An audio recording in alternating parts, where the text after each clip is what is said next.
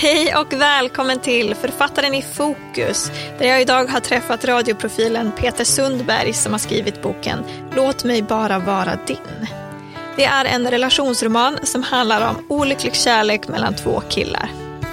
Och vi kommer prata om vikten av att skildra homosexuell kärlek i litteratur, om styrkan med att skriva om verkliga platser och om processen att skicka in sitt manus till förlag, få refuseringar och skicka igen. Hur går det egentligen till och kan man bränna kontakten med ett förlag? Jag som pratar heter Elin Ireborn och jag frilansar som redaktör och lektör bland annat. Och det här är Författaren i fokus.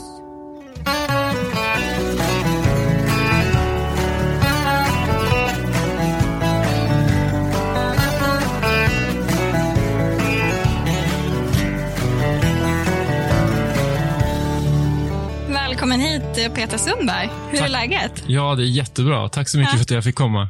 Ja, men det är fantastiskt att, att ha dig här. Eh, och du sa här innan att du har precis varit i, i radio i Jönköping och pratat om boken också.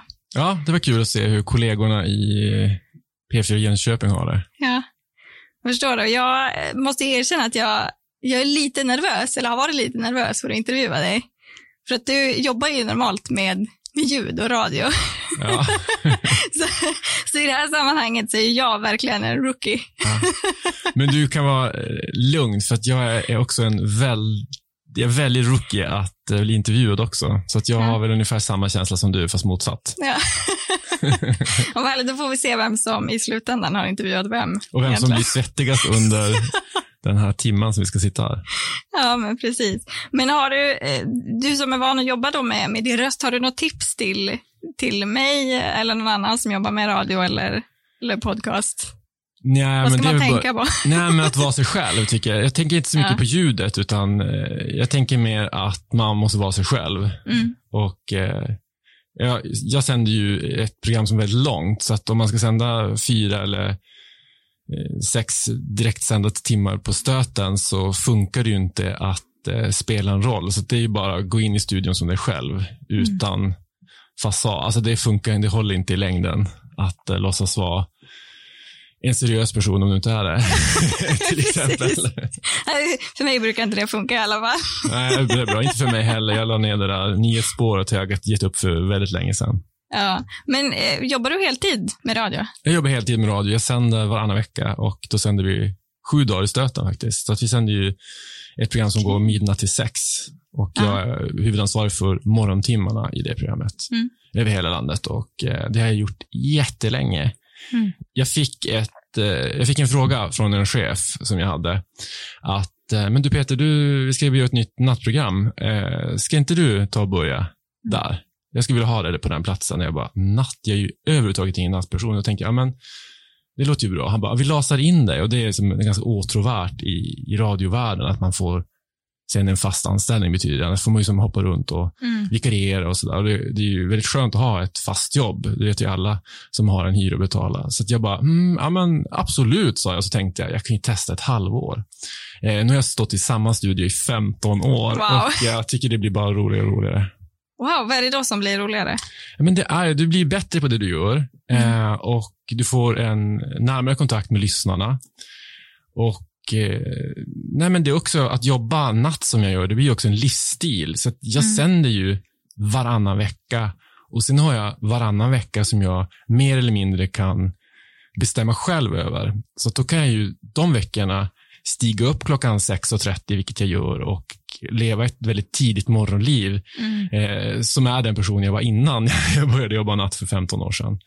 Eh, och så kan jag styra, jag kan till exempel skriva och göra annat. Så Mm. att det är ju, rent socialt har det blivit väldigt viktigt för mig att just ha de här arbetstiderna. Mm. Mitt liv går ihop som den det inte hade gjort annars. Jag hade inte kunnat göra, jag hade inte kunnat skriva på halvtid om om jag hade haft ett dagtidsjobb och skulle vara 9 till 5 på Radiohuset, det hade ju inte funkat. Mm, mm. Ja, just det, det är klart. Det finns en hel del fördelar där. Men jag, är jag har alltid undrat hur, förlåt, nu stannar jag kvar lite vid radiospåret här, men jag tycker bara det är så sjukt intressant. Eh, hur mycket av den tiden som du jobbar är faktiskt radio, alltså sändningstid? Och mycket förberedelse? Ja, ungefär 40-60 ska jag säga. Åt vilket håll? Ja, att vi, jag, jag är 40, 40 procent i studion och Mm. jag planerar 60 procent kan man säga. Mm. Så jag sänder ju midnatt till ett, så sen planerar jag ett par timmar och sen kommer jag tillbaka så här vid halv fyra snåret och sen Mm. är jag själv i studion mellan fyra och sex. Och det är, Mm. som, då är det morgon och eh, om jag går till jobbet och det är torsdag kväll, Mm. då eh, i mina manus och i mitt huvud, då är det ju fredag. Mm. Så då sänder jag sen fredagsmorgonen, den tidiga fredagsmorgonen i Sveriges Radio. Mm. Och vad, hur gör man för att tuna in på, på ditt radioprogram om man vill lyssna på, på mer gans- av den här härliga rösten? ja, det är ganska enkelt. Du slår på P3 Ja. eller P4. eller så lyssnar du i Sveriges Radio Play-appen. Ja, ja vad härligt. Ehm, som sagt, det är fantastiskt att ha det här, inte minst för att jag är som utflyttad norrlänning numera alltid smälter av att träffa andra norrlänningar. Eh, det, det blir så, så hemtrevligt eh, på något vis. Det känns som att man känner varandra fast när man, man inte har träffats innan. Eh, och Peter Moore är ju underbart också. Det är som man dör. Ja, då har jag ett väldigt uttvättat sådant kan man väl säga. Mitt eh, Peter Mål är väldigt uttvättat. Ja, ja men det är ju samma med mitt. Men eh, ja, det håller i sig lite grann i alla fall. Mm. Ja, nej men jag är från eh, Sorsele, så det är ju, det är ju, du är från Norrbotten och jag är från Västerbotten, så det är Mm. inte, inte helt närväga, men ändå Ja. Men det är ju supersvårt. samma Ja, riktning i landet, så att säga. men det är jättesvårt att behålla en dialekt. Jag har inte bott i Piteå Ja. på 20 år. Men eh, hemligheten är ju att umgås med andra Piteåbor. Mm. Och jag har haft mina föräldrar boende hos mig nu i tre månader på grund av coronan ute på landet i, i skärgården i Stockholm. Mm. Och eh, ja, det underlättar. Man eh, blir mer Pitebo också rent så här dialektalt. Mm. Så det är skönt. Speciellt när man jobbar med radio. Jag själv tycker dialekter är jätteviktigt. Mm. Alltså jag tycker det är pinsamt ibland när jag inte har varit hem på två år och hör hur jag överhuvudtaget inte, man kan inte höra vart jag kommer ifrån. Mm. Eh, Men sen när man är hem, kanske är på långsemester och så, så sen så hör man sig själv när man har kört första sändningarna eh, efter semester. Det kan räcka med att man tar på sig hörlurarna, sån här som jag och du har på oss nu. Mm. Mm. Eh, och sen så läser man första vädret eller första inledningen till sitt program efter ekot och nyheten har gått av och man bara under hela, det enda man tänker på är oj, låter jag så här? För det man är så ovan att höra sig själv med en, ja, den dialekt som man ja, föddes med. Ja. För det blir så, den, den försvinner eftersom. Men jag kämpar jättemycket med att behålla min dialekt, att man inte ska liksom tvätta bort för mycket. Mm. ja, men det är bra. Jag, jag skäms lite att jag tappar väldigt mycket av min dialekt också. Ehm, men det är svårt. Mm. Svårt att behålla, just också som du säger, när man inte umgås med andra som har samma dialekt. Då, då blir man mapar ju efter andra. Mm. Och sen så tvättar man ju bort de här orden som man vet att den andra inte kommer fatta. Jag har ju exempelvis en, en eh, man som han är från Småland. Så han, eh, han och jag kan ju ibland, jag kan ibland säga något ord och han bara, va? Vad, vad sa du nu? Så jag, ja men vet inte vad det betyder. Nej. Nej, nej, nej då var det nog dialekt. Så, Ja, så får ja, man förklara. Mm. Nej, men så är det ju. Min kille är från Värmland. Ja. Och ja, men, nu har han ju också umgåtts med mig och mina föräldrar i tre månader. Och ja, men, han har ju också ord. Han prat, börjar också prata lite Piteå-dialekt faktiskt, fast han är i Stockholms skärgård. Så Mm. att, ehm, det, det påverkar ju eh, Mm. mer än vad man faktiskt tänker på. Ja, verkligen. Men jag kan tycka det är hela tiden med mina föräldrar. Alltså jag har ju känt dem i över 40 år. Mm. Men jag får nästan varje vecka fråga, och vad betyder det? Mm. Vad betyder det? För att de slänger sig, helt plötsligt kommer det upp någon, något ord på en beskrivelse på någonting som de, man inte använder, institution man inte är så ofta, och så säger de det ordet som de kanske senast sa för 15 år sedan. Och det är så Mm. nästan så, det låter som att det är ett hittepåspråk, det där Pitemålet. Ja, exakt. Ja, men att det man, kan jag också man lär sig ju själv hela tiden. Men har du något favoritord på, på norrländska? ja, det, det måste jag säga. Remidjen. Oj, det vet inte jag vad det är. eller? Ja, det är bestick. Kniv och gaffel. Och sen, Remidjen? Ja, fast jag har faktiskt ett, om jag ska vara ärlig, så är mitt absoluta favoritord på Pitemålet skvärra. Och det, tyck, det, det är bara för att det tycker jag är så härligt i, i munnen. Alltså det låter så underbart, Ja, fantastiskt. Skvärra. Säg det själv. skvärra. Men ska man liksom skvärra eller skvär, skvärra? Skvärra. Skvärra. Och det är ju diarré. Men ja, alltså det är ett fantastiskt ord och jag tycker också sen när man tänker på när man säger det sen och hur det känns att säga och hur det låter, det är ju, jag tycker det låter logiskt. Mm. Ja, ett Mm. bra ord för en jobbig sak. Ja, jag, är- mitt favoritord är he. Och då betyder det på västerbottniska, sätta saker någonstans eller, Sätta, lägga, ställa. Ja, mm, alltså som bara som en direktöversättning från putt. mm, Från engelskans putt Mm. är ju alla, alla möjliga sak, sätt att, ja, he saker. mm, ja. ja, men vi har ju också det i Piteå-målet. Ja. Ja, och det är också väldigt bra. Otroligt användbart. He henne, den är borta. Ja. Eller, ja, precis. He han där. Ja, He dig iväg. ja. Det är väldigt användbart. Ja, vad härligt. Men eh, nu var det inte det vi skulle prata om riktigt, utan du har ju nyligen släppt eh, din debutbok, Låt mig bara vara din, heter den. Mm. Hur skulle du själv sammanfatta den boken? Att det är en bok om att inte våga och att kanske våga Mm. vara kär i den man verkligen är kär i. Mm. Vilken fin sammanfattning. Det är väl den korta versionen.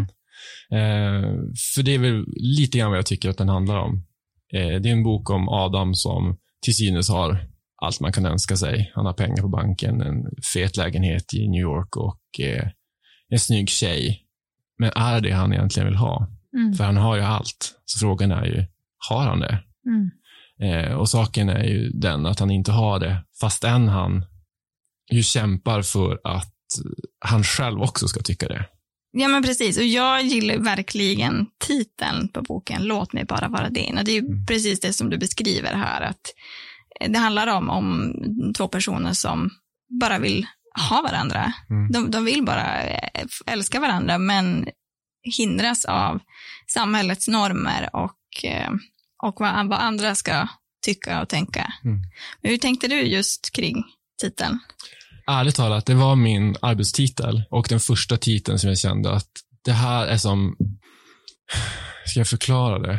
Jag kände att den förkapslade och beskrev väldigt väl vad boken handlar om och den känslan som jag, jag tänker att de här två personerna, speciellt den ena, liksom bär inom sig som en knut där i mitten av boken. Eh, en liten knut som bara håller på att explodera. För det enda han vill är att eh, den andra ska alltså, låta honom bara vara hans. Mm. Ehm, och när jag tog upp titeln med min redaktör, du vet man sitter och skriver ett helt år, lyckas bli antagen av ett förlag och sen får man en redaktör och så Mm. börjar man jobba och sen när vi hade jobbat ganska mycket med kanske och gått igenom boken ett varv, då vågade jag ta upp det här med min redaktör. En sak som jag hade tänkt på hela tiden men bara skjutit ifrån sig. Vad känner du för titeln? För jag har ju inte pratat med titeln om någon. Mm. Hon är ju den första som jag ställer frågan till. Alltså jag har inte ens diskuterat den hemma eller med någon vän. Eller jag totalt bara helt och hållet själv bestämt att så här vill jag att boken ska heta. Och det får den heta tills någon annan säger annorlunda. Och då ställer jag för, vill du att jag ska, jag hade ett annat förslag då.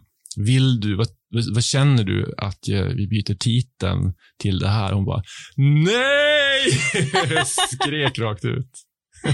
Hon tänkte du skulle behålla typ- den. Ja, absolut. Hon, hon sa att det är den bästa titeln på länge, sa hon. Så då blev jag ju jätteglad. Okej, end Mm. of discussion. Jag hade ju tänkt att de skulle bry sig mer, alltså så- peta mer. Ja, titeln där, nej, nej, nej, nej. Det här måste liksom poppa mer. Du vet ju hur man som förlag kanske tänker, Ja, att det ska vara mer Ja. liksom kommersiellt och så. Men det var det tydligen. Hon var jättenöjd med hur det var. Så det var ju en jätteskön känsla. Ja, du träffade rätt direkt där. Ja, det var kul. Du är ju utgiven på Visto förlag. Mm. Och som du sa det så du, blev du ihopkopplad med en redaktör och sådär. Men hur var, hur var resten av processen? Hur, hur kom det sig att, att de ville ge ut boken? Och, Alltså jag har ju, eftersom jag jobbar heltid med radio så har jag skrivit på halvtid och eh, det här är mitt, mitt tredje manus som jag avslutar. Mm. Och eh, första boken skrev jag, blev så här 800 sidor lång och en tegelsten som jag skickade till typ 15 förlag. Mm. Eh, för hade en person sagt, skicka dem till alla du kan, det är skitsamma. Gör det bara, så ökar din risk liksom. Eller din chans att komma, komma vidare och komma in i det här. Och då fick jag så jättemånga av de här, kanske fick fem stycken lektörsutlåtanden. Och det Mm. hade jag fått höra. Ett lektörsutlåtande, det skulle du vara jätteglad över, för det är inte alla som får. Mm. Och de var peppande och hade synpunkter på hur jag skulle ta mig vidare för att liksom få boken ange, eh, eh, antagen. Och eh, då jobbade jag med det. De åsikter och de synpunkter som de hade kring mitt manus och så skickade jag glatt in det igen till de förlag som hade varit pepp. Mm. Och då var det bara dödstyst. Eller rättare sagt, de bara tack men nej tack. Mhm. Eh, så jag kände väl där att den här boken är inte jag mogen att skriva nu. Nu Mm. måste jag skriva nästa historia. För jag kan inte hålla på att skriva samma bok om och om igen. Liksom tio års tid. Jag har skrivit en bok som inte blivit utgiven. Så jag tänker, jag, jag, tar, tar mig till, jag tar till mig det här de har sagt och så eh, skriver jag ett manus, manus som är mer utgivningsbart. Och då gjorde jag det. Och då skickade jag in det till kanske tio förlag. Och det var verkligen stendött. Alltså det var dödstyst. Det var tack men nej tack av alla. Utom jag fick ett halvt lektörsutlåtande och då tänkte jag okej, nu är jag helt fel ute. Så gick jag tillbaka till första spåret eh, med den tematik som jag tar upp i, i den här boken. Eh, relationer och eh, olycklig kärlek och eh, längtan och passion. Och då skickade det bara till fem förlag tror jag det var. Och då hörde vi stå av sig. Då tyckte jag att ja, men det låter bra. De verkar pepp. Och Mm. då, är det den, då bestämde jag mig för att då får det vara den vägen jag går. Det kändes rätt för mig Mm. att, att gå den vägen. Sen hade jag ju kunnat fortsätta och skicka till fler förlag och kanske ta den via, med en redaktör själv och sådana där saker. En lektör som hade gett mig pepp innan jag skickar in. För det är många som gör bara för att Ja, få mer vägledning. Och för att inte bränna den där första kontakten. För det är ju lite så att har man skickat in ett manus och skickar in det igen efter ett- lektörsutlåtande från dem eller ett nej, då ska det till väldigt mycket att de ens tar upp och läser det eller tar det vidare till sina manusgrupper. Så det visste jag ju och då kände jag att nej, jag vill ge ut den här boken i snar framtid. Jag vill inte att den om ett år ska bli antagen av Bonnier och sen satt på vänt i två år så att den kommer ut 2024. Alltså det funkar inte med, med, med den här boken. Den är för nutida tycker jag. Alltså, Mm. Personer som är med i den, det är för mycket här och nu. Det är för mycket samtid och eh, den, den utspelar sig ju delvis i hockeyvärlden. Det funkar ju inte om de hockeyspelarna som glimmar förbi eh, har gått i pension men när boken kommer ut. Det är för du Eh, namedroppar ganska mycket ja, det. svenska, svenska kändisar och Ja. framförallt inom, inom idrottsvärlden. Absolut, och då vill jag ju att de ska vara relevanta även Ja, då. Så det var ja, det bland annat det som gjorde det. Jag kände, nej, jag vill att, till exempel att Henrik Lundqvist ska vara målvakt i New York Rangers när Mm, boken kommer mm, ut. mm. Nu får vi se hur det går. Besked väntar komma i veckan, så att, eh, det är inte säkert att han är det eh, till årsskiftet. Men, så det var viktigt för mig att få ut den nu. Jag ville också att, att historien skulle komma ut. Jag ville att den här eh, historien skulle komma ut nu eh, för att få diskutera det. Eh, för den bygger lite grann också på att det är ju ingen offent, alltså det finns ju ingen offentlig SHL-spelare eller NHL-spelare i, i det här absoluta eh, toppskiktet inom hockeyn som har kommit ut som homosexuell. Mm. Eh, och det är också en av grejerna i boken eh, som jag diskuterar här. Så att jag ville liksom dis- diskutera det nu och inte om fyra år. Mm.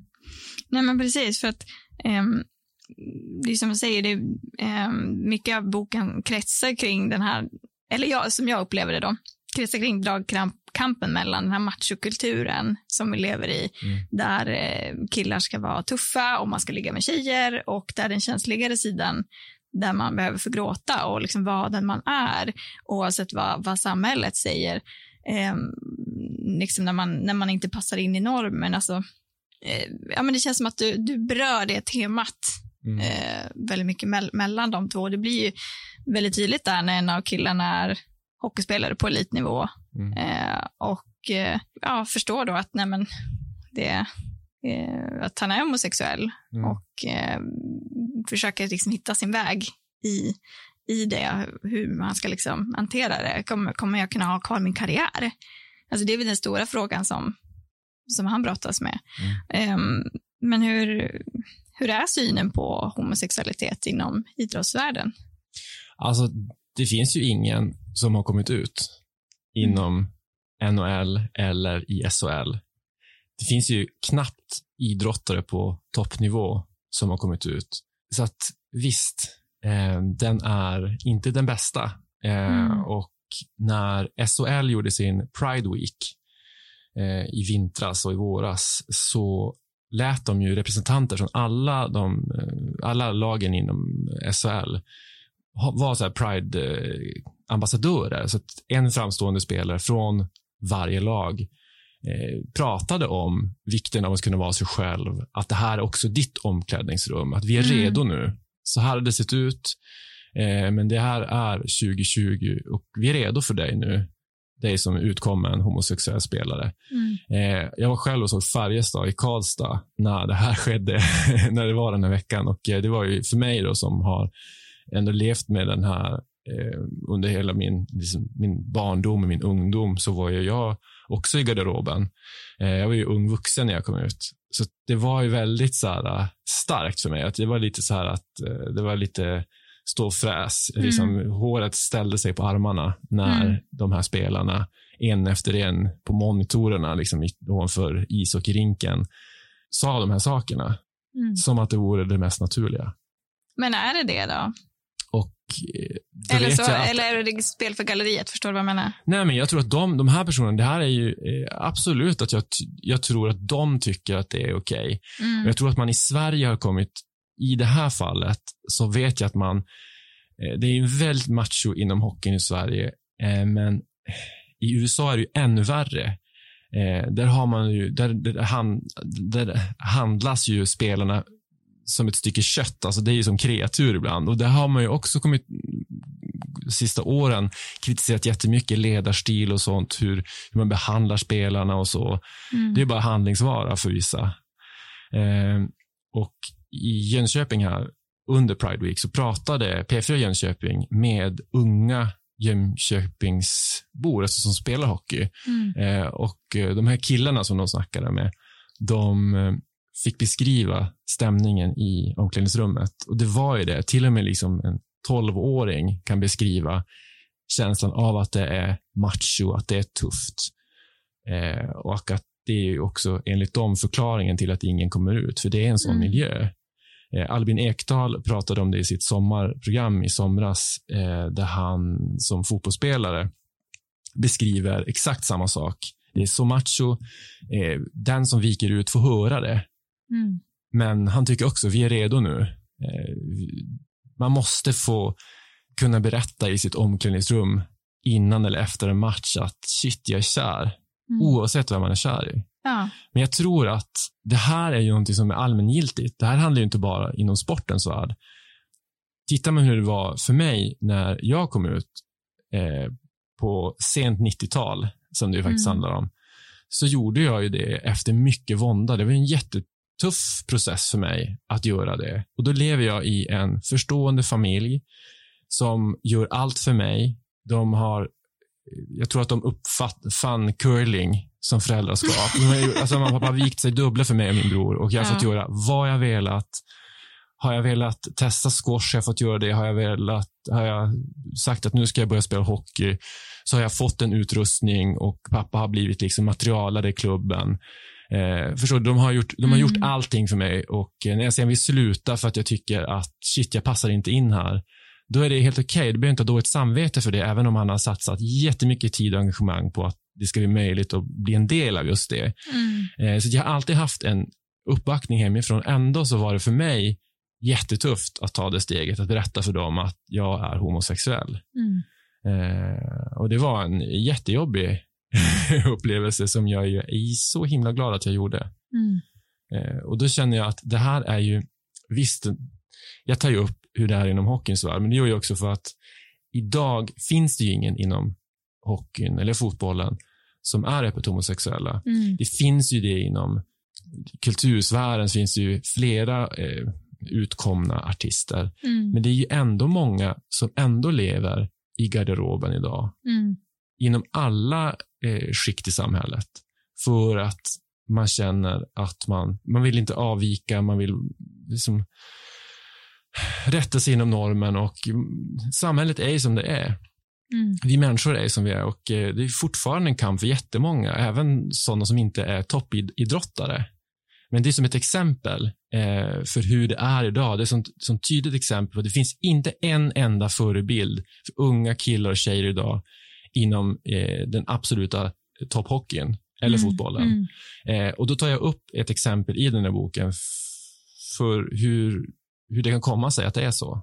Mm. Eh, alltså jag försöker undersöka lite grann hur det kan komma sig att det är så. Men också hur det kommer sig att någon kanske väljer att under hela sitt liv inte berätta vem man egentligen är. Mm. Jag har ju fått reaktioner från människor som har läst boken nu och som har varit i den här situationen som huvudpersonen i min bok Adam har varit i hela sitt liv. Jag har en äldre herre som har hört av sig till mig ett par gånger och berättat att nu har jag läst boken igen och jag grät lika mycket den här gången som första gången. Det här är min historia och jag är så tacksam att ha skrivit den. Och när jag fick den reaktionen första gången så kände jag bara wow, så Mm. kul att det var reaktionen jag fick. För han var en av de första som faktiskt hörde av sig eh, till mig eh, bara några, en vecka efter att boken hade kommit ut. Och sen när det har kommit andra också som har nästan så att de har hört att jag ska skrivit den här boken, läst om den på internet och bara väntat på att den ska komma ut för att de vill läsa om sig själva eller Mm. Mm. på, på någonting som, som rör dem. Även om de aldrig har spelat hockey i sitt liv så har de varit olyckligt kära kanske i 40 år. Mm. Kanske dolt sin sexuella läggning i hela sitt liv och gått så långt som in i pensionen. Och ändå idag, 2020, som pensionär känner man att nej, jag kan inte ta steget och berätta för min Mm. omgivning. Och Det kan ju också vara att man känner att man har ljugit i hela sitt liv. Att, man, att det egentligen inte är så mycket som hej, jag är bög, vad pinsamt, utan mer att hej, jag är bög och jag har hållit det för mig själv. Alltså att det är också Mm, en skam, Mm. en dubbel skam. Det blir lite därför- värre ju längre man väntar om, om man säger så. och det tror jag är eh, egentligen mer vad den här handlar om, alltså just det all- allmängiltiga. Sen tar jag ju upp de som är hockeyspelare Mm. eh, och undersöker just den delen av det. Men det är ju allmängiltigt, alltså just det här. För det är inte bara inom sportens värld som det är så här. Det är ju jättemånga som lever och som väljer att nej, men jag vill inte berätta för folk att jag är homosexuell. Och det är Mm. 2020. Jag lever ju själv i Stockholms innerstad och eh, i ett, någon slags mediakluster. Det är ingen som bryr sig om vem jag ligger med, Mm. faktiskt. Men ändå så händer det, även inom min värld, Mm. att man minsann får veta att min 38-åriga kompis ja, tar bladet från mun och kommer ut i garderoben. 38 år gammal och har jobbat med media i hela sitt liv. I en väldigt eh, förstående kontext, om man säger så. Ja. Och hur ska det då inte vara för dem som är verksamma inom den absoluta toppidrotten? Mm. Alla blickar på det. Det är en machokultur som inom hockeyn. Det måste ju vara supertufft, men därför är det så Mm. himla viktigt att prata om det också. För man tror ju, ja, men 2020, vi har alla rättigheter som finns. Vi får typ adoptera barn, men vi får gifta oss och vi eh, Mm. ärver varandra om vi dör, om vi liksom har registrerat partnerskap. Sådana, sådana där saker. Men det är ju kommit, vi är ju jättemånga personer som har kämpat länge för homosexuella och hbtq-personers rättigheter. Så rent lagligt så har vi kommit jätte- jättelångt, men rent i samhället i stort så är det ju ändå väldigt, väldigt mycket som är kvar att jobba på. Precis, verkligen. Och, och för mig som inte är en, liksom har så mycket insyn i elithockeyvärlden, det är det är inte mitt favoritintresse. Ehm, för mig är det så här, men, men va? Finns det inte öppet homosexuella Mm. inom det skiktet? Det, det låter helt obegripligt för mig, för att man, jag nog tänker mig att jo, men så långt har vi nog kommit i samhället. Um, för rent statistiskt så är det ju omöjligt att det inte skulle finnas någon. Det, alltså det, det, det är ju inte så att det bara, nej men det, är ingen av dem som är homosexuella. Mm. Det är ju inte det. Utan det är ju precis som du säger, bara, nej, men det är saker som stoppar. Eh, Eh, och jag kan ju bara föreställa mig hur, hur fruktansvärt jobbigt det måste vara, som du säger där, att hålla, alltså känna att man måste ljuga. Och för, för jag blev väldigt berörd av, av din bok, eller något som, som gav mig väldigt mycket insikt i, är ju att men det här är ju, det är ju två helt vanliga människor. Liksom det, det är inget konstigt, det är kärlek, det är, det är vackert och jag tycker du gör det så bra. Alltså det här är ju verkligen en, en relationsroman som, där styrkan är det här äh, mötet och samspelet eh, och, och kärleken mellan dem och hur det slids fram och tillbaka. Men, men någonstans så, så hit, hittar de liksom tillbaka till varandra hela tiden och inser att nej, men det, det är bara det jag vill vara med. Det är, liksom, det är så stark kärlek. Eh, och, och, och då blir man ju så himla ledsen när man känner att man, varför ska samhället stoppa något så fint som, som det är? Alltså det, jag kan ju bara känna, gå till mig själv och säga, men om, om jag och min man hade blivit, eller känt att men vi får inte älska varandra. För att vad andra tycker. Nej, men det är, det är så sorgligt kan man tycka så här när, när det är så uppenbart att eh, folk lever så här. Att de mm. inte liksom vågar komma ut. Men det kan ju vara en händelse också att jag kom ut när jag gjorde det. Jag är jätteglad att min kompis pushade mig den där dagen när jag var 23 år gammal. Mm. Hon sa till mig, ja, men det är väl bara att göra det. Jag ringde upp min mamma på jobbet, så hon är någon slags ekonomichef på något stort företag. Mm. Sitter i öppet landskap. Hon bara, hej mamma, du är lesbisk. Mm. Ja, ja, okej. Tack så jättemycket min vän. Eh, då hörs vi lite senare. vad ska hon säga när folk sitter bredvid? Det var perfekt, hade hon gjort det. Så det finns inget dåligt eh, tillfälle. Så då tog jag upp min Nokia 3310 och eh, ringde min mamma. Mm. Harklade mig och sa, hej mamma, eh, det är Peter. Jag vill bara berätta att allt är okej, okay, men jag vill berätta, det är en, en sak som, som jag inte har sagt till er. Och det är så här att jag, då gick batteriet ur. Nej. Mobilen Nej. laddade ur. För det här var ju på tiden, man fick ju ladda dem stup i kvarten. Ja. Och jag bara, oh no. Så att jag eh, laddade upp den och så ringer jag igen.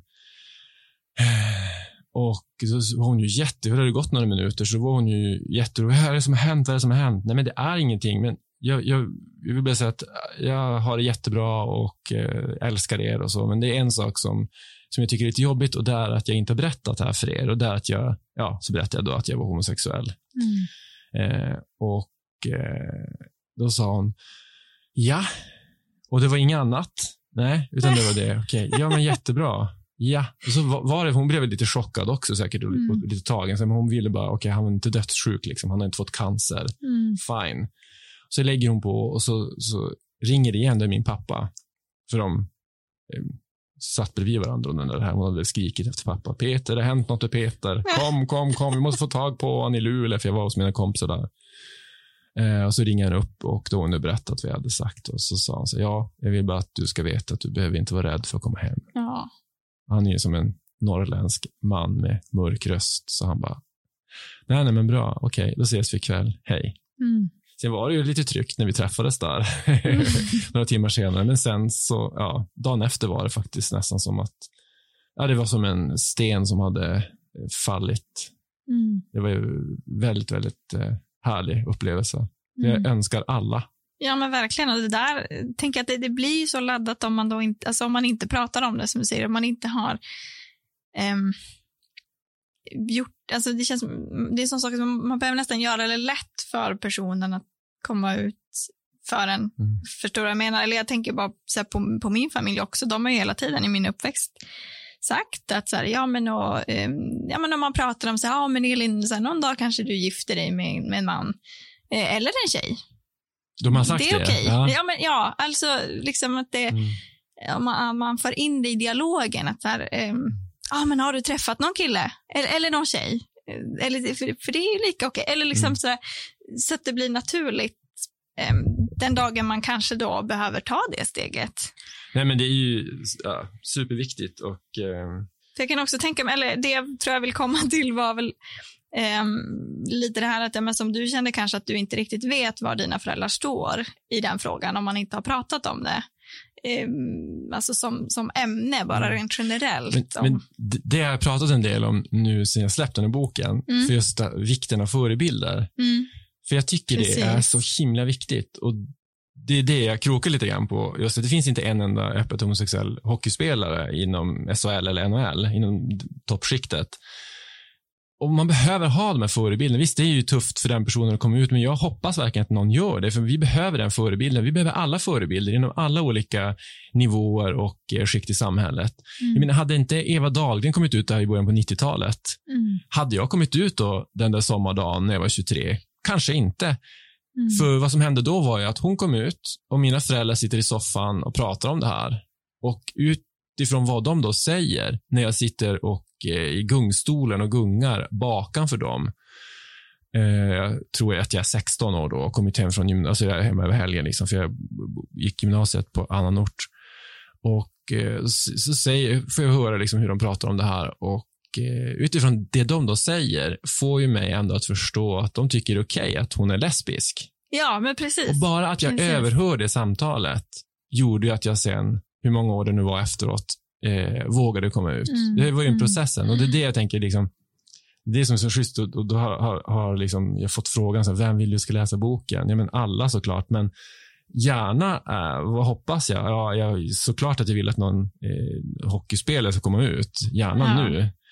Eh, men det jag mest av allt hoppas på är att, man, att någon ska ha den här diskussionen. Ja, men jag läste Peter Sundbergs bok. Det handlar om en eh, homosexuell hockeyspelare. Jävlar vad tufft han hade det. Jag tänker att alla, att någon ska ha det så där tufft. Att man inte ska få älska det man vill. Alltså Mm, det, mm. Den saken, om ett, en tonåring, någon tolvårig kille överhör sin pappa säga det till sin, till sin fru.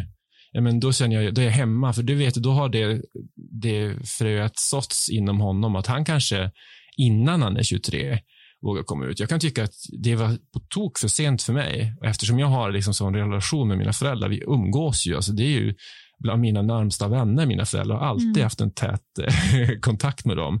Så kan jag tycka ändå att det, det hämmade ju mig under mina sena tonår när sexualiteten blev viktig. Mm. Att faktiskt inte tillåta mig själv att bli kär. För det gjorde ju inte jag. Jag, jag var ju evigt singel just på grund av att jag eh, inte tillät mig vara kär. För att jag tror det också handlar om att jag inte ville men jag, jag var inte öppen för dem och då, alltså jag ville inte ljuga, ta det ett steg till, så jag bara undvek alla situationer som hade Mm. med kärlek att göra kan man säga. Det var inte många heta möten för mig. Inte som det är i den här boken.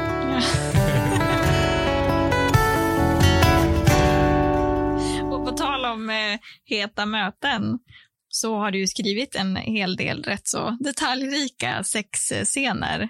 Hur, hur har det varit? Har det varit viktigt för dig att få med den biten, den aspekten? Ja, alltså jag har ganska mycket stört mig på så relationsromaner som bygger upp till att de träffas, de tar varandra i hand, de kanske Mm. ger varandra en kyss, de börjar klä av varandra, lägger sig i sängen och sen är det morgonen därefter. Spolas över? Vad händer däremellan? Och som Mm. gaykille så har jag ju aldrig fått läsa om homosexuell kärlek. Knappt att de har kysst varandra. Mm. Kanske att, de, att man i någon roman man läste så var det två killar som hade en liten annorlunda relation och då kunde man fantisera att ja, men de kanske är som jag. Eh, visst tog de ändå på varandra där eh, i smyg. Mm. Så för mig har det varit jätteviktigt att få ha eh, riktiga sexscener och där man får följa med eh, hela vägen. För jag kan tycka så här att i en relationsroman så är ju det en jätteviktig eh, liten beståndsdel Mm. för att förstå varför är den här Adam ändå villig att säga ja till den här killen, Max? Varför liksom söker han ändå upp honom? Mm. den där sommardagen. Ja, men det är väl för att han vill lite mer, även om han kanske inte riktigt vill erkänna det för sig själv. Alltså, det är ju en drivkraft som Mm. finns i alla människor. Precis. Sexualiteten är ju en jättedrivkraft. Varför är du ihop med din man? Inte för att Mm. han är en trevlig person. Det är för att du tycker att han är snygg och att du går igång på honom. Ja, men eller hur? Jag sitter ju här med ett barn i magen dessutom, Ja. så att det går inte upp. Jag menar, vad, vad hände liksom, kan, jag, kan jag ibland tycka. Jag tycker just att, att det är jätteviktigt, speciellt i en sån här, eh, i en sån här roman där det, det är en, de, känslorna drar åt så många olika håll. Mm. Så tycker jag att sexscenen är ju ändå, man drar och drar och drar, men sen orkar man inte och så bara ah, släpper man taget. Och så är man med varandra. Och Mm. då har det varit jätteviktigt för mig att få ha riktiga sexscener. Min kille läste ju just boken först nu efter att den Ah, varit okej. utgiven. Och han bara, du har ju mer sexscener än E.L. James, alltså hon som skrivit eh, 50 shades of Grey. Hon tycker som att hon kan ju bara slänga sig i väggen. Det här är ju mycket mer avancerat än så. Då, det kanske det är, men eh, det är också viktigt i de här böckerna kan jag tycka. Mm. Ja, men verkligen. Och jag tycker att du har fångat en, en stor äkthet i de scenerna. Eh, alltså de känns naturliga och även om det är en hel del snuskigt så finns det framför allt en känsla och en kärlek eh, som, som genomsyrar och som, som gör dem trovärdiga. Och, och det är också så här, det är inte, det är inte, det är inte tillrättalagt, det är inte så harlekin, ehm, eh, het person där allt är perfekt, utan, utan det är också liksom, det, det är kladdigt och det gör ont och det, mm.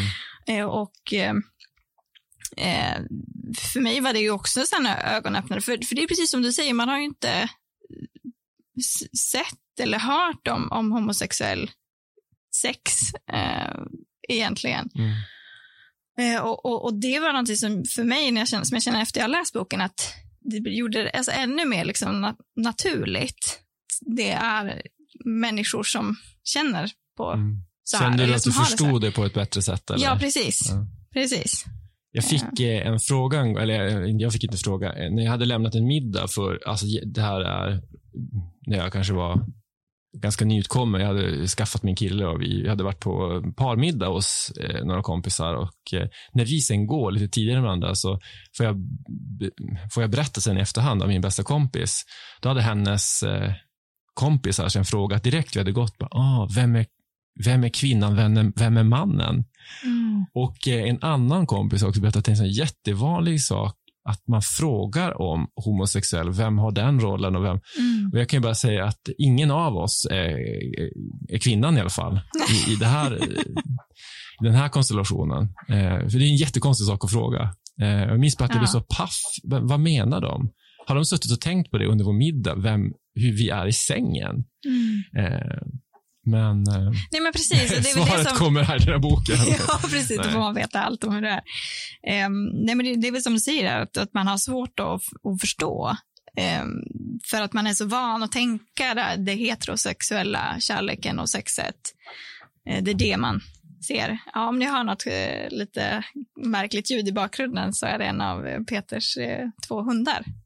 Som krafsar och försöker bädda. Han tycker vi har pratat alldeles för länge så han vill få, få komma till rätta i sin, sin bädd. De har ju hängt med här eh, under hela bokskrivandet, så de får mm. följa med på lanseringen också. De har ju legat i mitt knä under hela tiden som jag har skrivit boken. Därför får mm. de också få vara med i baksidestexten.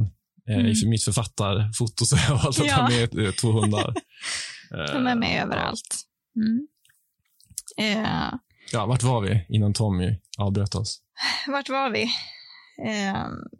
Ja, men ja, det, det, är väl en del av det, just att ja, men man får en, en bättre bild av det och liksom fattar i sin tröga hjärna att det är två människor som älskar varandra. Mm. Skit i resten. Mm. Precis, men nu har du fått alla detaljerna. Så nu vill du aldrig mer ställa den frågan. Vem är kvinnan, vem är mannen? Om du någon gång har gjort det. det. För nu vet du. Det varierar. Exakt. Um, men nu, nu blir det här en, en, lite konstig fråga kanske att ta direkt efter sexscenerna, men hur mycket av det du skriver om i boken är självupplevt? Eh, jag skriver ju om, alltså känslan i boken, alltså den är helt skönlitterär. Mm. Men det som de här personerna våndas med och stångas med under boken, det har jag varit med om själv. Alltså själva tematiken. Jag har ju levt med en hemlighet sen jag var barn. Mm. Att jag var annorlunda som jag såg på det då. Att jag tyckte om killar. Och inte förrän jag var en ung vuxen kom jag ut och berättade det för mina föräldrar. Eh, så att jag har ju kämpat med samma saker som de här två personerna mm. har varit. Och det gör ju också att jag har ju fluktat och varit våldsamt kär i personer som i vissa fall kanske till och med varit det tillbaka Mm. men där vi inte har vågat ta steget.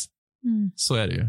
Eh, och jag kan ibland så här tycka att det är så synd att jag väntade så länge med att komma ut. Eh, för eh, shit vad många killar man hade kunnat ha. Eh, men det som var bra med att, alltså, att jag kom ut den där dagen, eh, för vad som genast hände för mig var att allting förändrades. Och sex månader senare så träffade jag den kille som jag fortfarande är ihop med. Mm. Så det är ju ganska häftigt. Eh, så det känns ju som att det är ingenting jag, jag ångrar, men jag kan tycka ändå att det är synd att jag inte kom ut tidigare, att jag inte tog mod till mig. Men jag hade inte tillräckligt många förebilder och eh, det var ju en annan tid, det måste jag ändå säga. Även om det då hade börjat hända väldigt mycket och att rättigheten hade börjat förändras och så, så var det ändå liksom eh, en annan tid. Och, nej men, och, och, och, så det är en skönlitterär bok, men mm. eh, jag använder ju bara miljöer som jag själv har varit i. Så mm. att jag vet ju hur det luktar på varje plats i den här boken. Jag vet exakt hur det ser ut och alla platser betyder ju någonting. Mm. Så jag har ju förlagt stora delar av den här boken till eh, den plats som är mitt hemma, precis som Adam har sitt hemma i Pites inland och eh, i Pite i Norrbotten, så mm. har jag det. Så att jag använder ju mina gamla miljöer. Dels för att jag gör det lätt för mig själv, man ska ju skriva om det man känner, säger ja. de ju. Men också för att eh, det betyder, de här platserna betyder någonting för mig. Och jag har ju egentligen haft hemlängtan sedan jag flyttade hemifrån mm. till Pite. Men eh, de senaste liksom, två åren jag jobbat med den här boken, jag är inte, så mycket i Piteå har inte varit alltså, så sen jag flyttade hemifrån. Så det är rent också av egoistiska skäl att man får faktiskt rent mentalt eh, uppehålla sig på en plats som man tycker om. Ja, men precis. Och det är ju en dimension i boken som jag också tycker tillför mycket, för att det blir sådana stora kontraster. Så ena sidan har du New York eh, och å andra sidan så har du liksom, Storlångträsk mm. eh, utanför Piteå. Och, och, och, det skapar också de här, alltså det, det bidrar, där miljön får bidra till temat på mm. ett sätt att man, det är liksom det här vad vi kan ha utåt sett som liksom fasad och vad vi kan känna på insidan kan vara en helt annan grej. Mm. Nej men det är ju så, för det är ju också när Adam öppnar dörren till sin sommarstuga som han inte har sett på tio år. Mm. Dofterna som kommer mot honom, det är samma dofter som jag känner när jag kommer upp till Pite och kommer till Storlångträsk och öppnar mm. dörren till våra. Alltså, det är sådana, även om det är, jag väljer att liksom placera honom i en stuga lite längre bort och eh, placera Max i lägenheten bredvid den jag bodde i innan. Förstår du? Sådana där saker. Mm. Så jag, jag, jag, de är inte precis i min, det, det är inte så att de det ligger som i min första bok då eh, var huvudpersonen i mitt pojkrum. Mm. Alltså det var bara, allting såg ut så som det gjorde när jag bodde där. Hela de miljöerna. Så jag har ändå tagit ett steg, ett steg ifrån. Och det har alltså mm. underlättat tror jag också att det är där, jag vet exakt hur det ser ut, men det är inte jag. Ja, det har varit viktigt eftersom det ju inte är det. Mm. Ja. Men om det sitter någon lyssnare nu och, och som eh, sitter och lyssnar från garderoben, så att säga, vad skulle du vilja säga till den? Kom ut. Vi finns här och tar hand om dig. Ja. Nej, men absolut. Man, det finns inget, inga dåliga tillfällen. Du måste känna själv att du, att du är redo. Men det är inte så farligt som du tror.